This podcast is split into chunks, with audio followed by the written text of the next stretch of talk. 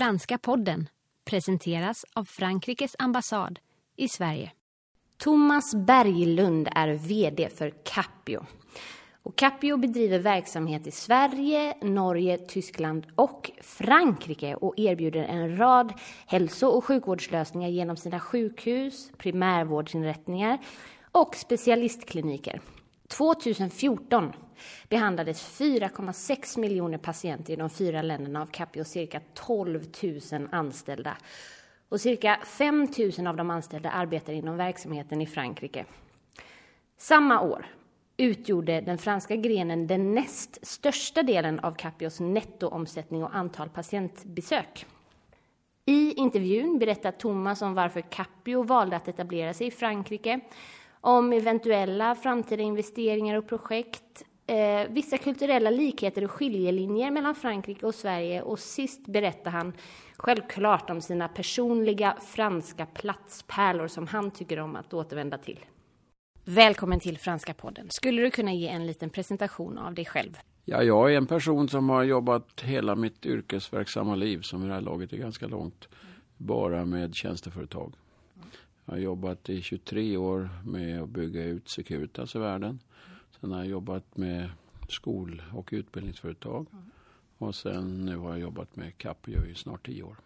Capio erbjuder då vårdverksamhet genom ett hundratal kliniker och sjukhus och nära 12 000 personer, om jag förstår det helt rätt, är anställda i fyra europeiska länder och varav Frankrike sedan 2002.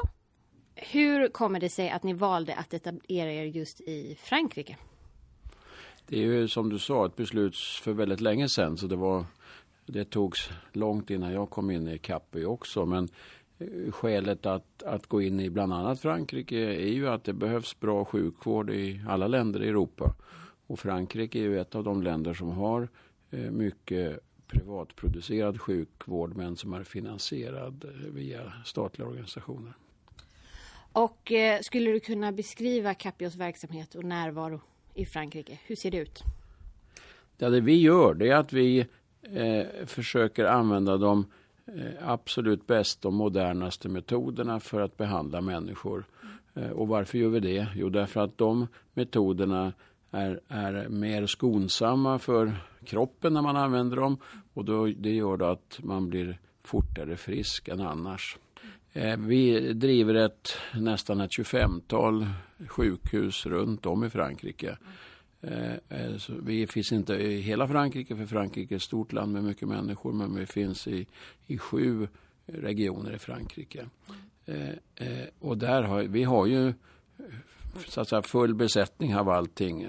Vi, vi, så vi behöver inte samarbeta i den meningen med någon annan sjukvårdsgivare. Däremot så är det ju väldigt viktigt att vi har ett gott samarbete med alla doktorer som finns både på våra kliniker Eh, men också eh, doktorerna som finns runt omkring klinikerna. Mm. Alltså primärvårdsläkare eller GPs som det heter på engelska. Mm.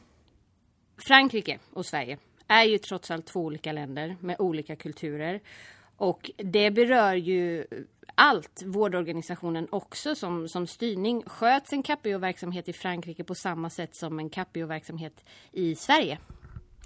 Ja, i alla fall numera ska jag väl svara. När jag kom in så det som slog mig väldigt då var att eh, vi sågs bara som en tillhandahållare utav eh, sjukhussängar och rum. Vi sågs inte som en vårdgivare som hade ett ansvar för hela vården utan doktorerna hade sitt ansvar och vi var någon sorts hotellverksamhet. Mm. Det har ju vi ändrat på därför att om man ska kunna introducera nya och bättre metoder så måste man ju ha, ha ordning och reda i hela kedjan utav åtgärder som ska göras. Man måste ha ansvar för hela den kedjan. Så att idag ser det väldigt lika ut mellan Sverige och Frankrike.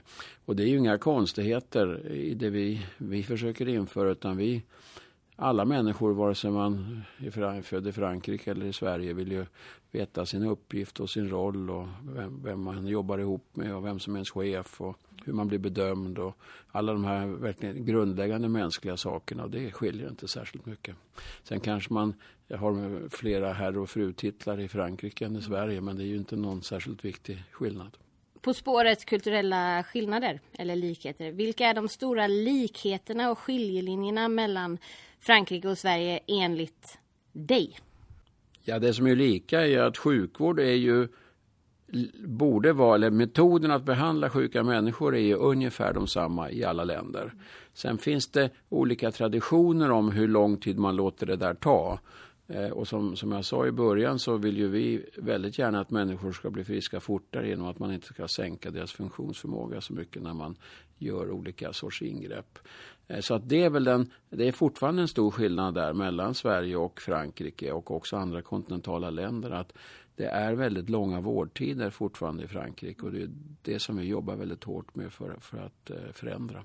Och där känner vi att vi har fått medhåll eh, framförallt av den franska regeringen som har börjat genomföra reformer som syftar till att eh, hjälpa till att minska eh, vårdtider genom nya metoder och så. Vad gör Frankrike generellt sett till ett attraktivt investeringsland enligt dig? Vi har ju lärt oss här i Norden hur man gör sjukvård effektivare genom de här moderna metoderna som jag pratat om. Eh, de behövs ju i många andra europeiska länder. Eh, att det råkar ha, ha, gått lite fortare i Sverige med förändringarna hänger samman med politiska beslut för 20-25 år sedan som kom senare i, i till exempel Frankrike och Tyskland. Eh, så att det är intressant att vara i alla länder i Europa med, med sjukvård. Vi, eh, vi har ett investeringsprogram som är över 600 miljoner euro i Frankrike. Där vi renoverar sjukhus och bygger nya sjukhus. Och de bygger vi för att stödja sådana här nya effektivare metoder så att de ser inte ut som de gamla sjukhusen. Finns det planer på ytterligare Capio-projekt och investeringar i Frankrike? Ja, de som rullar nu eh, kommer att ta ända fram till 2018-2019 innan de är helt färdigbyggda. Eh, eh, så att det, och det är de jag har nämnt som då är tillsammans är över 600 miljoner euro.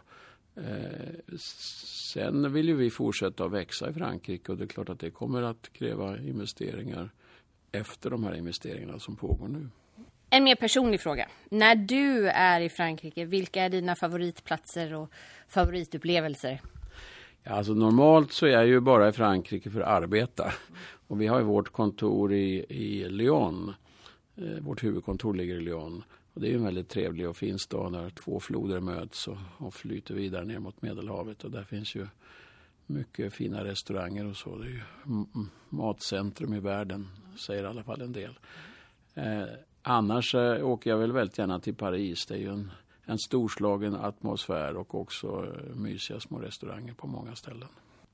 Tack så hemskt mycket för din tid. Tack ska du ha.